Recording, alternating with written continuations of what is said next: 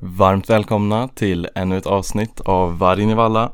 Det här är avsnitt 11, säsong 4. Eh, Jag heter Ola och med mig i studion har jag Erik samt en hemlig gäst. Hur är läget Erik? Det är så bra. Det är bra? Det är en ära att sitta mitt emot dig igen. Detsamma, detsamma. Det, det var ju sen innan julen faktiskt och eh, vi sa inte det förra gången när jag och Adriana satt här men varför du inte var med.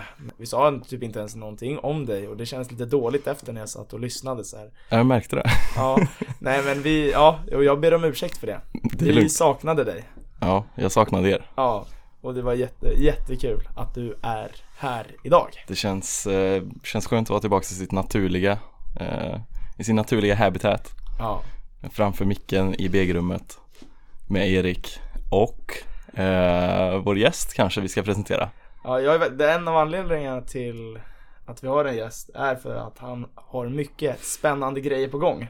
Och jag är väldigt glad att du är här Ola som kan guida mig också genom den här eh, podden helt enkelt. Ja, Men Edvard, vill du introducera dig själv? Varsågod. Yes box. Nej men eh, det är kul att vara här. Eh, så jag joinade ju här, BG, eh, nyligen. Och eh, ja, hade ju då en idé om Discorden. Eh, som är, ja, eh, NFT Discord, aktie Discord. En Discord för BG-gruppen helt enkelt. Passiva och aktiva medlemmar. Eh, så det är väl det. Och eh, så jag och Erik bara Ja, kom på den här idén i, igår då eh, På event med KPMG eh, Så det var fan, det är, det är klart man är med Riktigt schysst. Så din Härligt. specialitet, det är NFTs. Yes Och det är det vi ska snacka om idag. Mm, nej men riktigt kul eh, Nej men det är något jag har fastnat för eh, Började väl för ett år sedan eh, Och jag bara, det är bara Det är som ett rabbit hole eh, Så fort man börjat eh, gå, gå ner för det så då, ja, då vill man inte sluta liksom Rimligt. Ja. Men jag tänker vi kanske kan inleda lite med om, om jag och Erik kanske får säga lite vad, vad vi har för uppfattningar och grundkunskaper om NFTs och kanske krypto också. Och sen Edvard får vi, får vi höra lite mer om dig och hur du börjar intressera dig för det och ja men typ varför du tycker det är så spännande och sådär. Ja men då låter det bra Ja, Jag har, eh, vad säger man? Jag har ju varit väldigt aktiv på aktiemarknaden så och då kom väl krypto in som certifikat ganska tidigt. Kunna handla på typ Avanza och så. Eh, så jag har ju handlat den mycket på grund av rörelserna som har varit i den, inte på grund av det underliggande värdet som kanske Edvard förstår mycket bättre än vad jag gör på så sätt. Men vad, vad kan jag? Krypto är en decentraliserad valuta eller kryptovalutor. Jag kanske säger fel till och med nu. Eh, där Därför så, det utgår väl ifrån att det ska vara decentraliserat helt enkelt. Det ska inte finnas någon stat eller centralbank som styr. Säger man ens valutan eller själva krypton? Säger jag rätt? ja exakt. Som jag uppfattar det så, så minar man ju krypto genom att använda sin dator till att göra beräkningar i något syfte liksom. mm. och sen är hela den, hela den här listan, ledgern, eh, kryptoledgern är liksom decentraliserad och sparad lite överallt som tillsammans bildar en eh, gemensam blockchain. Är min uppfattning i alla fall. Och sen skapar man nya coins genom att använda sitt grafikkort och sin processor för att mina nya mm, liksom, coins och så gör man den här listan längre. Så man blir belönad för att liksom upprätthålla eh, infrastrukturen är väl min uppfattning ungefär. mm. Men NFTs har jag, har jag mindre bra koll på. Men jag Ja. vet att det är, det är bara mer än bilder i alla fall. Liksom det finns ett, det finns ett mer långgående och djupare syfte bakom de här, den här det är tekniken. mer än NBA-stjärnornas apor. Exakt. Ja. ja. Men ja, nu hörde du lite hur eh, mesiga vi är. Så om du ska säga, vad är liksom eh, NFT, vad är krypto, blockchain om vi börjar där? Ja. Ehm, nej men jag skulle väl säga det, det är väl bra förklaring där med Ledger och Alltså det är egentligen, ja allt handlar väl om, det är väl eh, Ja om man utgår från bitcoin, det är väl liksom Där blockchain-tekniken, ja men grundades eh, Eller användes som första, ja, första gången eh, Och det handlar just om att, om att verifiera eh, saker på blockchain då, verifiera transaktioner eh, och då är det då, det är då minens uppgift, eh, uppgift att göra det. Eh, så det är väl det man gör egentligen. Eh, och det blir så här peer-to-peer, du behöver inga mellanhänder. Ja, decentraliserat. Alltså, man kan jämföra med guld. Vissa vill ju inte göra det. Man brukar ju säga digital gold, det är ju då bitcoin. Eh, och det är ju då för att ja, men bitcoin har alla egenskaper som guld har. Eh, alltså det, det, finns en liksom bestämd mängd. Eh, och det är det som gör att på något sätt, ja men det får värde också. Det kommer inte liksom inflation eller hej och hå liksom. Utan eh, ja. Ja men det är väl lite om eh, just blockchain-tekniken där. Mm. Eh, och sen är det väl då, alltså ett sätt man kan använda den här blockchain-tekniken då via, ja men typ ethereum då som har blivit, eh, ja men typ, eh, började för ett, eller egentligen det här har ju typ varit, hållit på längre. Vissa har ju liksom suttit med, ja men så här NFT-projekt från 2017 liksom. Alltså de har ju mintats för länge sedan. Men, men det är mer så här, för ett år sedan då blev det ju, då började det verkligen sätta igång liksom. Då började ju eh, och sen bara, om vi tänker nu på ett år hur, hur liksom, nu vet ju nästan alla, alltså, nej det är fortfarande väldigt få som vet vad kanske en NFT är, men det är väldigt många fler än, än för bara ett år sedan. Och det är det som är helt sjukt, bara hur, hur snabbt den här, alltså delen av, liksom, vad ska man säga, finans eller teknik, ja den här, båda integreras liksom, hur snabbt det går. Alltså det är så många som jobbar med det här. Eh, ja. Vad är anledningen då till att det har gått så snabbt senaste året? Eh, själva utvecklingen liksom. Själva utvecklingen. För om du säger ändå att det har funnits sedan 2017 och man har börjat liksom mm. mynta på det och liksom jobbat vidare. Men jag har visst inte, aldrig hört NFT innan förra året. Nej. Eh, ja det är lite, alltså det är intressant. Jag vet inte, det är kanske med no någonting med corona att göra. Alltså fler sitter hemma. Eh, ja, och man, man liksom kommer i kontakt med nya ja, men tekniker liksom, allt sånt. Eh, och fler har tid liksom för att ja, men, hitta på något annat. Och jag har ju bara hört hur många som helst som, eh, ja men så här, nej jag har ju sagt upp mig från mitt jobb liksom. 9 to 5 liksom, nu är det ju all in webb 3 liksom. Och då skapar man ju sina egna grejer och utnyttjar liksom blockchain-tekniken. Och det är ju bara så jäkla kul att liksom se så här, ja, alla skriver liksom congrats liksom på, ja, men så här, Twitter liksom bara, ja, och folk är ju friare än aldrig förr liksom. Ja. Eh, ja, nej men sen har du väl det med liksom underliggande value liksom och alltså folk ser ju då att blockchain-tekniken kan, kan användas till så mycket mer eh, än bara ja, men betalningsmedel som kanske är då främst för bitcoin då. Utan nu har man ju typ ethereum då och det är där man eh... Vill du ta den skillnaden på bitcoin och ethereum? Bitcoin blir mer en betalningsmedel. Det är mer en valuta ja. då tänker du? Ja, hur kommer det sig liksom att ethereum blev NFT krypton om man säger så mm. och, och, inte bitcoin om man eh, liksom Finns det någon underliggande anledning där? Ja, det, det, det handlar om infrastrukturen som, eh, som ethereum liksom eh, eh, ja, men bygger på. Utan, alltså, man skulle inte kunna liksom göra samma saker på bitcoin. Det är bara så helt enkelt. Alltså så här, hur det är programmerat. Eh. Så då var det ju grundaren till ethereum som då har insett då att okej okay, Eh, ja, det handlar egentligen om att kunna skriva smart contracts då. Eh, så det är inte bara att det kan utnyttjas som betalningsmedel, alltså att verifiera saker på blockchain, utan nu var det mer så här, okej okay, nu kan man använda ja, blockchain-tekniken till att skapa ja, smart contracts och det är ju då, kan ju då vara NFTs, det kan vara eh, ja, men det är smart contracts just. Alltså det är, det är en annan infrastruktur som, som, eh, som gör att man kan använda te tekniken på olika sätt. Ja. Eh, Edvard, du nämnde det här med frihet lite också. Ja. Varför tror du frihet är så eh, associerat med krypto och den här nya guldruschen liksom? Mm.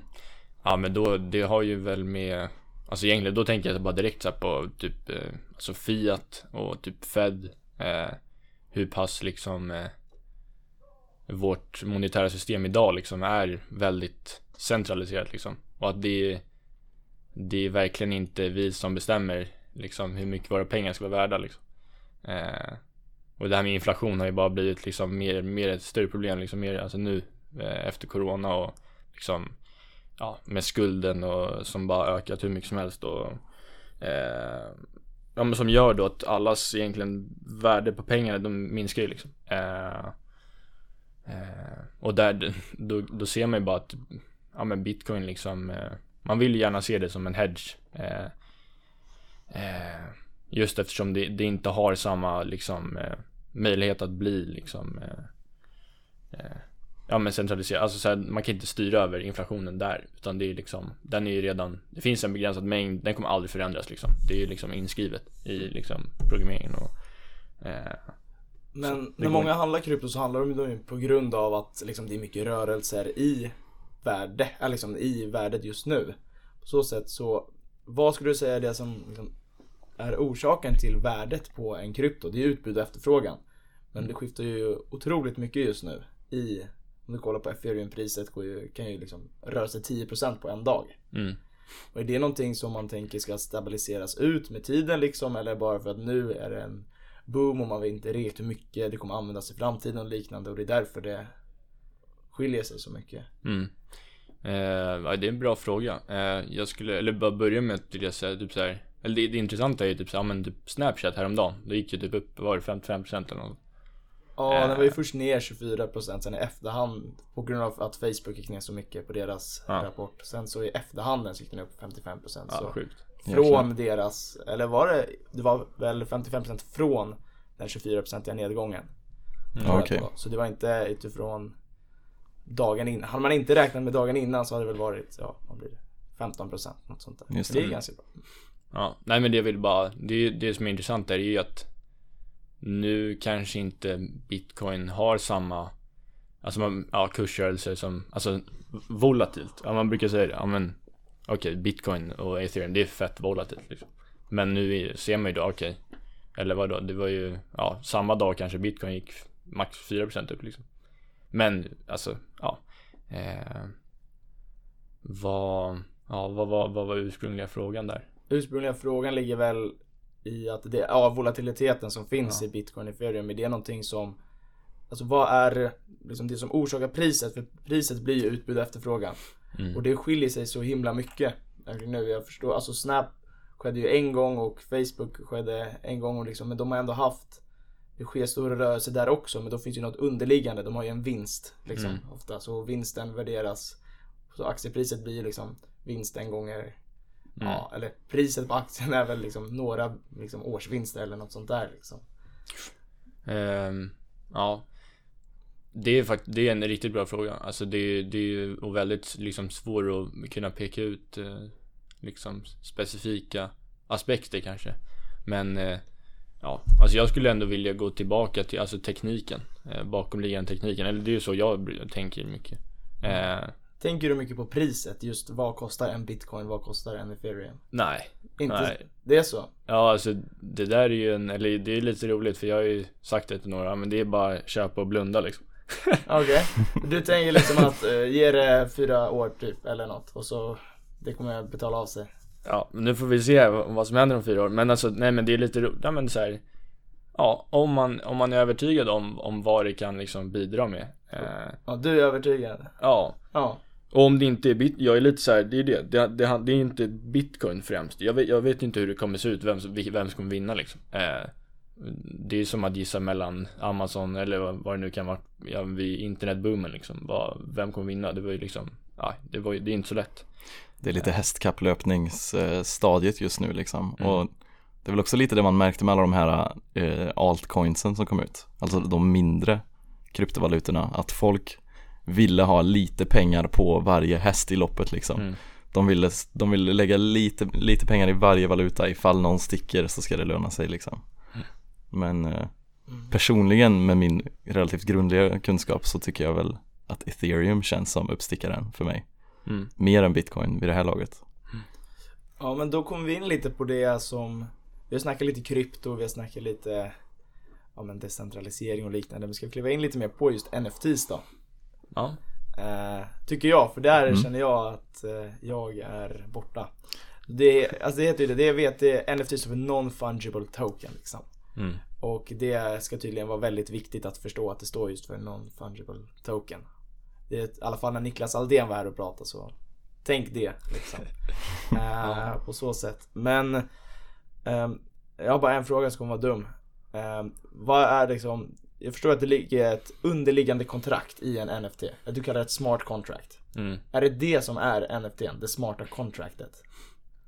Ja det är väl egentligen, ja men vad du kan göra med det smarta contractet liksom. Det är det som är så Det är det som är intressant. NFT, vad du kan göra med det Ja, smarta det contractet. skulle jag säga. Så de här aporna och bilderna är väl bara ett sätt att gömma in det här kontraktet, eller Ja. vad säger man? Ja, att du får ett utseende liksom. Att få ett utseende. Så Ja. när Steph Curry köper sin apa för massa, då köper han inte apan. Då köper han kontrakt, underliggande kontraktet. Eller, eller köper han apan kanske? Jag vet alltså det kan, alltså så här, Det är lite både och liksom. Ja, vissa köper ju bara, alltså utseendet liksom.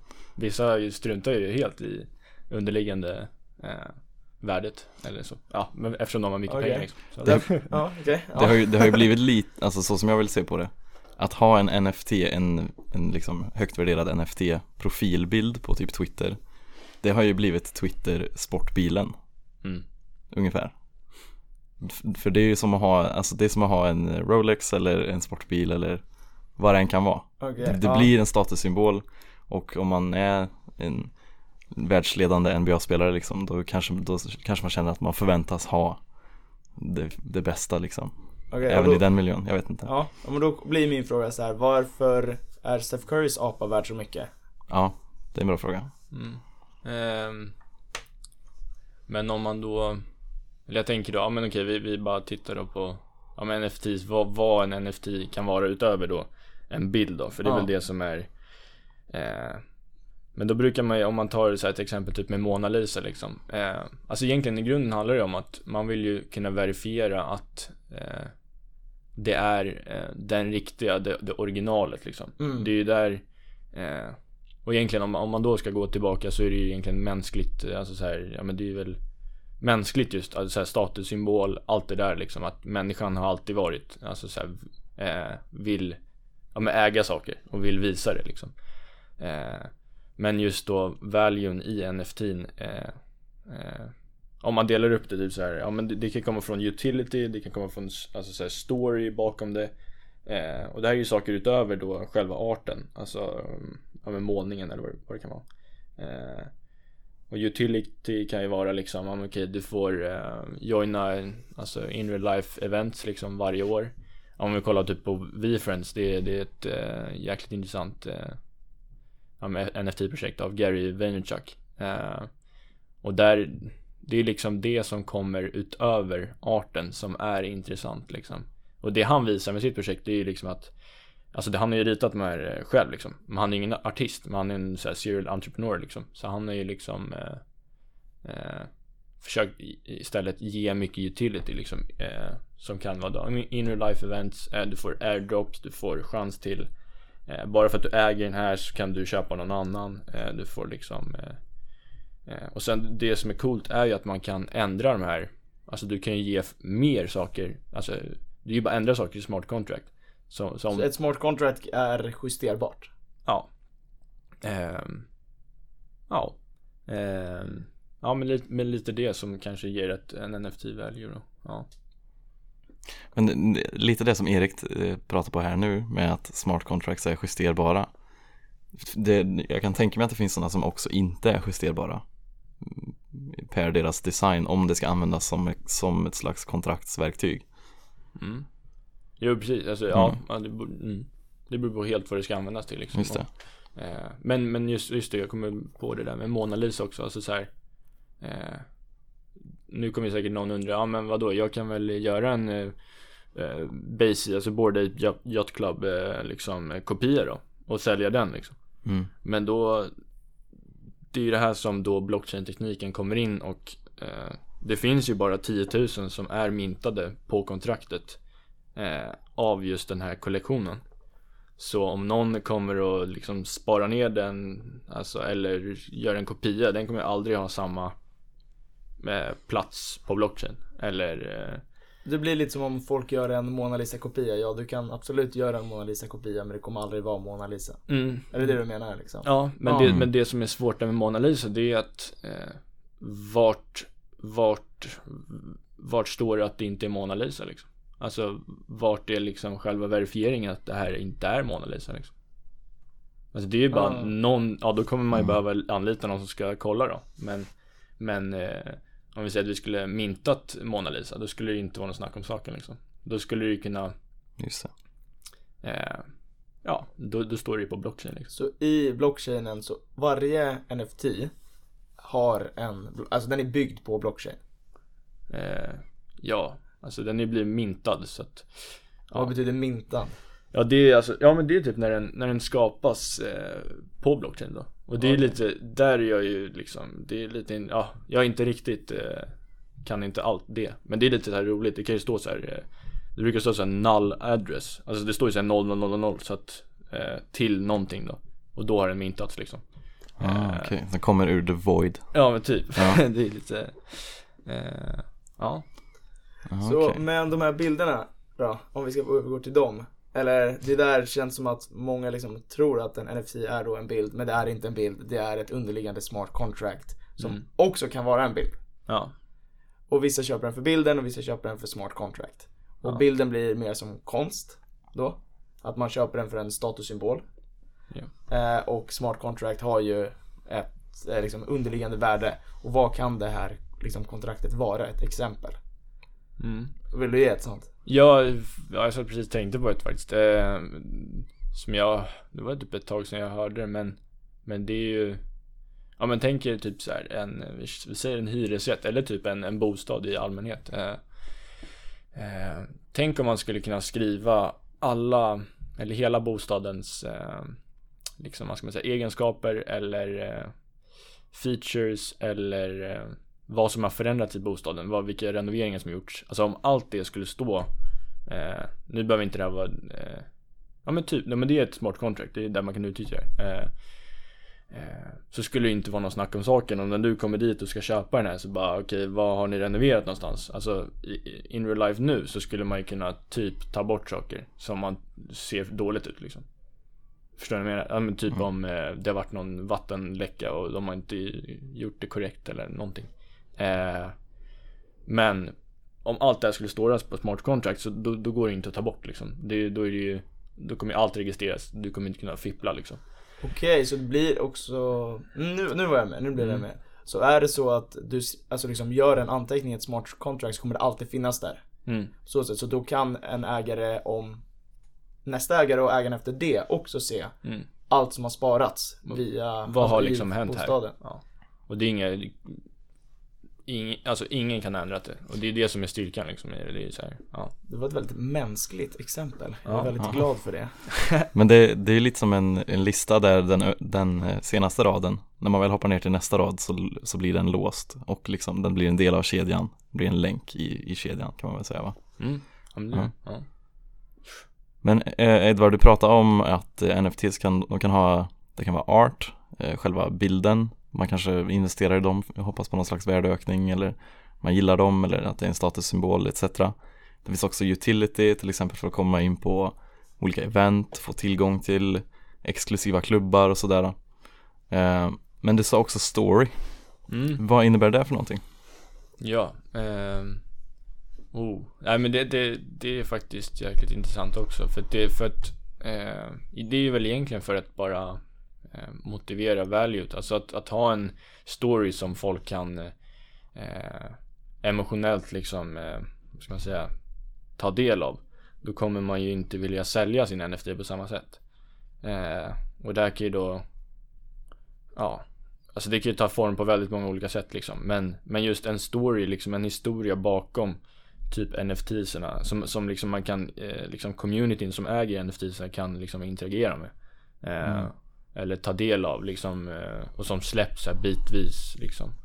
Eh, och det var liksom, det var lite roligt här, det var något projekt, eh, ja men häromdagen bara som, där liksom skrevs storyn baserat på vad liksom ägarna eh, tog för beslut. Eh, så att vi blev liksom eh, eh, Ja men de, de hade skrivit lite story liksom Men sen så var det upp till oss liksom att ta typ tre olika beslut det påverkar ju såklart nästa delen av storyn Mm. Så då fick ju de typ så här, de, de skrev ju liksom on the go liksom eh, Och det är också så här helt sjukt för då har ju vi liksom helt plötsligt påverkat eh, storyn Mm. bakom NFT-serna liksom. Och det är också så här Det är ju den här interaktionen med NFT-serna Som också är så jävla viktig eh, Ja För det handlar, det är ju communityn bakom som ska vara, byggas och Så det blev nästan som en omröstning mellan olika ja. alternativ typ Mm. Som alla som ägde den här fick möjlighet att, att säga vad de tyckte Mm. Ja okej Men ja, Ja. ja. eh, jag vet inte om jag förklarat det bra just. Eh, valuen bakom, ja. Men alltså storyn, det känns ju ändå rimligt Det är ju lite marknadsföringsaspekten bakom det hela och positioneringen och identiteten typ Mm. Om man tänker lite krasst Vi hade ju säkert varit mer intresserade av att köpa en, en BG NFT just för att vi Vi är emotionellt investerade liksom Och vi Mm. har minnen från det här och, och allt sånt än, vi, än vad vi vore intresserade av att köpa Ja, jag vet inte En, eh, en John Deere eh, NFT liksom Mm. Det kanske är lite längre bort från Från våra hjärtan Ja, det kanske kommer en eh, BG NFT här snart. Det kan vara så Är det? Ludvig Söderberg. Ja. Ja, Han sitter och fipplar på sitt hörn där. Men Alltså, spännande vi får se. Du förklarar, om, Ja. nu när man skapar en NFT då, nu sitter Ludvig och försöker skapa en BG NFT. Mm. Vad gör han? Ja, eh, men han, han, man kan göra det på olika sätt. Men eh, det enklaste, det är väl typ att gå till OpenSea egentligen som är NFT Marketplace. Typ använda deras, ja men det är väl typ, alltså de, att deploya deras eh, smart contracts då. Så att det där är ju, det är väldigt eh, simpelt liksom. Jag tror det, det var ju någon eh, liten kostnad där. Eh, men väldigt liten. Eh, men så egentligen, men sen så här, så att det är inte så mycket ja, då har ju de redan liksom lagt fram smart contractet som man då eh, Och vad, vad bara- skulle ingå i ett smart contract för en BG NFT? Ja, det är det här som är så, ja, det, vi säger att eh, eh, gra- gratis, eh, gratis mat varje gång på HG om du äger den här. Eh, du kan få newsletter till din mm, mail. Och allt det här kan man koppla in i NFTn då? Ja, alltså egentligen hela bygger ju också på att man kan Nu är inte riktigt tekniken där kanske att man kan läsa av saker snabbt men, men alltså där man, dit man vill komma är att din wallet liksom ska kunna ge dig access till allt det här. Så att då är det liksom, okej då kan du ju bara ha din wallet och sen så är det Ja men du går in genom en dörr liksom, man vill säga att det är föreläsning så, här, så det, är- är bara du som får gå in genom dörren typ eller alltså så här, eh, Alltså det är det är ju sådana grejer liksom. Mm, ja. Det blir som ett medlemskap som är snabbt och enkelt verifierbart typ Ja. Eh, ja men eller så här, ja men alltså det beror helt på, alltså det kan ju vara, man, man gör nu samarbete med, om vi säger man får köra bio en gång i veckan liksom. Eh, om man äger NFT liksom. Eh, eller får eh, vara med på börs och bärs. Eh, ja men det är mycket sånt, alltså det är egentligen, vad, alltså så här, jag skulle vilja säga nästan vad som helst liksom. Om du kommer på något smart som, som du vill att de som äger tokenen ska ha tillgång till. Eh, så kan du bara skriva in det liksom. Ja. Okej, så om jag äger tokenen eh, och det ingår i smart contractet att jag ska få eh, gratis kaffe i baljan typ. Ja, Hur skulle liksom, du som har gjort tokenen och baljan komma överens då? Mm. Ja, det är, det är en bra fråga. Men jag skulle, det är just det där med, jag vet inte om tekniken är där, men det är något som, alltså dit vill man ju. Alltså i så Ja. fall är det ju att mm. eh, det enda baljan behöver göra är väl att eh, eh, Alltså att de behöver kunna läsa om min wallet liksom. Eh, och sen har man ju kommit överens om det. Jag vet inte om man behöver, alltså då kan man, man kan ju skriva Jag vet inte hur avtalet ska se ut liksom, men, men så här. Det enda de behöver göra är att verifiera, okej du äger token. Och jag kommer dit med min token och sen så är det ju, ja. Eh, men jag tänkte också på en annan grej eh, bakom NFTsen som, som är väldigt, jag sa ju där, utility, story. Eh, ja men kan, sen är ju arten absolut, det är en viktig del. Men sen så är det ju teamet bakom.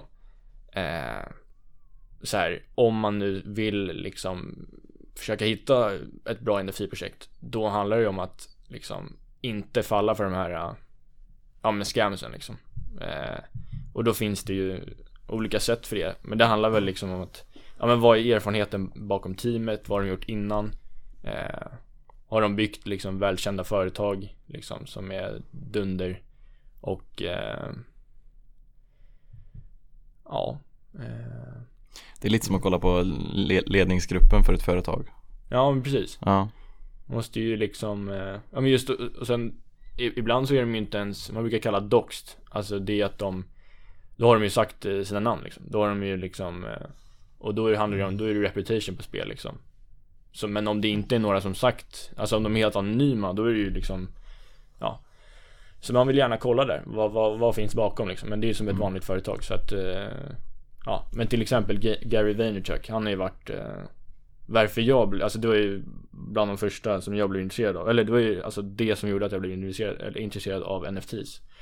Eh, och då hade jag ju följt honom väldigt länge. Och det som är intressant med honom är att han eh, Ja men han är ju som sagt serial entreprenör har ju liksom varit såhär i, Han investerar ju alltså jättetidigt i så här, Twitter och sådana grejer. Så han har ju liksom sett så här, trender och det finns ju liksom historik på det här liksom. Och sen har han ju byggt flera företag som är jätteframgångsrika. Eh, och då får man ju på något sätt Ja men då tror jag på att han kan göra det här också liksom. Och han är ju han är väldigt på teknik intresserad liksom. Och ja. Eh, Mm. Nej, och det känns som vi skulle kunna, eller jag skulle kunna sitta och lyssna här hur länge som helst. Eh, Men eh, jag tänkte vi skulle avsluta med, jag och Ola ställer en varsin snabb fråga och vi vill ha ett snabbt svar. Ja. Så jag tänkte börja. Det här är, ja, den, är, den är lite oklar den här frågan.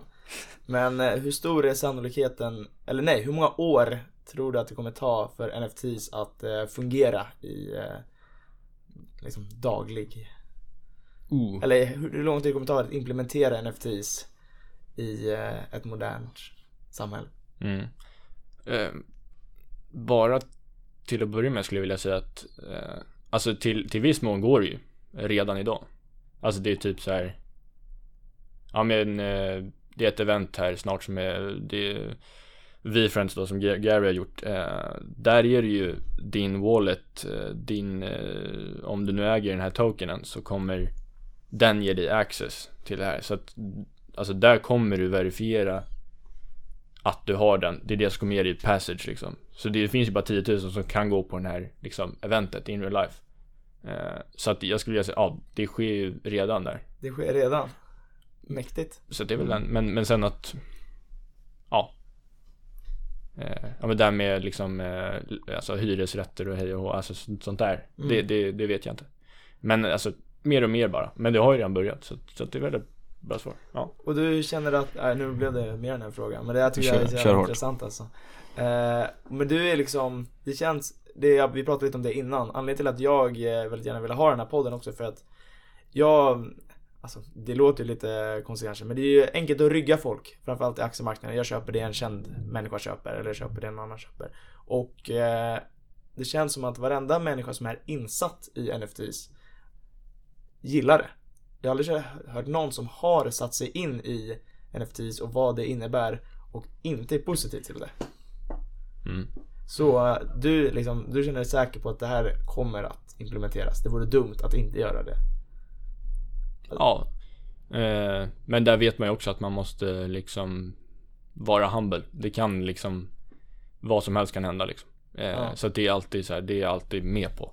Eh, Det är som med bitcoin liksom. Ja, men alla trodde att det skulle gå till 100 000 här i, i, i slutet av 2021 eller början av 2022 liksom. Men nu är den ju Ja men typ 40 000 eh, Och den gick ju ner typ 50% från sin topp då eh, Innan jul Så det är så här, vad som helst kan hända egentligen. Det är så här. Men, alltså jag ser ju massa fördelar. Eh, och det är väl det andra också gör. Ja. Och om man, ja. Så att det, mm, får se. Min Okej. snabba fråga. Ja. Då kör vi min snabba fråga. Uh, nej men jag tänker på krypto och NFTs, det har ju varit ett, liksom, det ses, ses ju som en investeringsmöjlighet och kanske någonting som, som vi i liksom lugna, fredfulla, eh, välutvecklade länder ägnar oss åt för att det är kul som en hobby liksom och för att tjäna pengar kanske. Men ser du några, ser du några mm, möjligheter med tekniken sett till typ hållbarhet, social hållbarhet. Kanske i länder där man inte har demokratin på plats och lite sådana där saker. Skulle kunna prata lite om det kanske. Mm. Jo men det där, det där är sjukt intressant. Alltså det är verkligen ett, eh, vad ska man säga, applicerbart. Alltså där man kan applicera eh, kryptos. Eh, ja men som till exempel bitcoin, det har ju redan gjorts. Eh, vad heter det? El Salvador har ju liksom bytt helt till bitcoin eller vad det Jag tror det är det. Eh, så att absolut, det finns ju eh, liksom sätt då som befolkningen kan använda krypto för att egentligen eh, och, alltså upprätta sin eh, monetära styrka liksom. De behöver ingen eh, uppbackad, eller en stat liksom som har någon valuta som, som de kan göra vad som helst med. Det är väl det som är Ja men det är väl det som är känt också i de här länderna att, eller så här, men typ Sydamerika. Eh, ja men inflationen liksom. Mm. Okej, eh, men det är liksom, vem vill, ja, använda en sån currency liksom. Utan då, då kan man byta och det är ju liksom Och det görs ju nu liksom i vissa sådana länder. Så att jag tror bara så här, de- demokrati och eh, varje liksom individs eh, monetära styrka skulle jag vilja säga. Den, den kan upp, alltså fortsätta upprätthållas via då typ bitcoin. Jag kom Eh, på en fråga som jag lovade min pappa att ställa. Så, Eh, på grund av det du frågar. Nu Ja. när El Salvador då byter till bitcoin som valuta. Ja. Man kliver ifrån en centralbank, kanske lite Nu kanske inte de hade en jättestark eh, ja, men, eh, styr, styre i landet sen tidigare, jag har inte koll på det. Mm. Men hur skattas NFTs krypto? Noll. ja, det, det skattas. Det gör det? Det är som en eh, Ja det är som en eh, Eller alltså det skattas väl sam, på samma sätt som en eh, Vad heter det?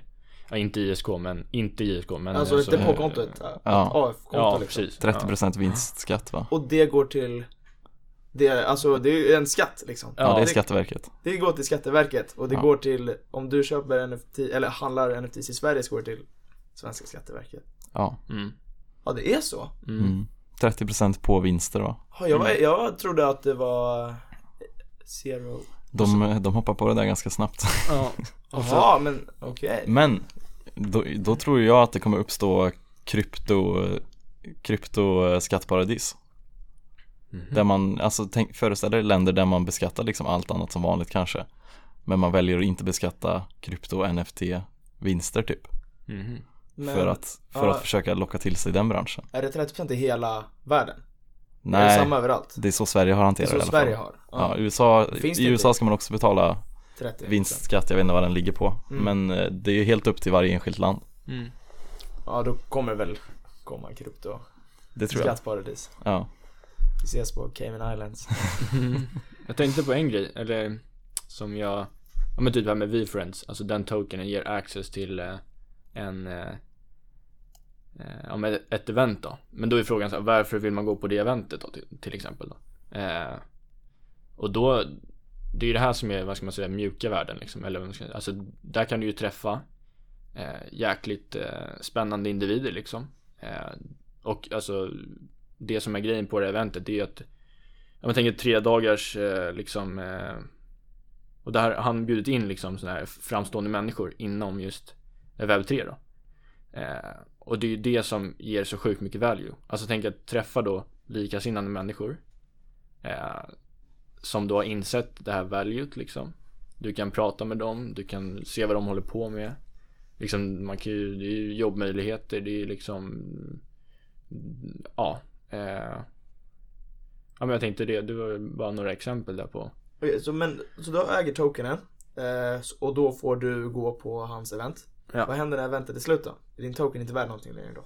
Ja, det som är Det är det som är coolt också för då är det ju att Det är inte som, tänk en eh, Ja men kon- konsertticket eh, Den kan ju, den är ju bara Den kan du ju slänga liksom, alltså den, den finns ju bara i verkligheten liksom. eh, Men den här Kommer ju finnas för evigt, alltså NFT-tokenen Så han, han kommer då göra en, Alltså den här ticketen till en NFT också. Eh, Okej. och den här ticketen kommer ju då i all evighet bara Mm. Okej, du var med. Om den finns i min wallet Så kommer det ju för alltid säga att okej, du var med På första eventet som han hade liksom Och det kan man använda i vilket syfte? Alltså liksom Ja, det, det kan ju vara så att nya projekt bara Ja men du som var med första där Din Ja. wallet som äger den första eh, ticketen eh, Du kommer få tillgång till det här eh, Okej, så man kan liksom bygga nya NFTs bygg, som bygger på en gammal? Eller Ja, eller ta del av liksom Ja. Jag ser framför mig typ en biobiljett där man eh, kanske går på eh, Ja, nu finns ju redan den filmen men säg att man går på Spider-Man 1 och så har man en NFT biobiljett Då kanske man får lite förtur sen till Spider-Man 2 Mm. för att man var på Spider-Man 1 och så vidare och så vidare liksom. Så att det blir som en det blir en kedja av, eh, av early access för att man var en tidig kund typ. Och Mm. så skulle ju vilket företag kunna göra i vilket sammanhang som helst tänker jag. Men, men en applicering av eh, blockchain som jag ser fram emot och se och jag tror vi kommer se det någon gång Det är ju att val börjar hållas på blockchain för att undvika korruption liksom Oh.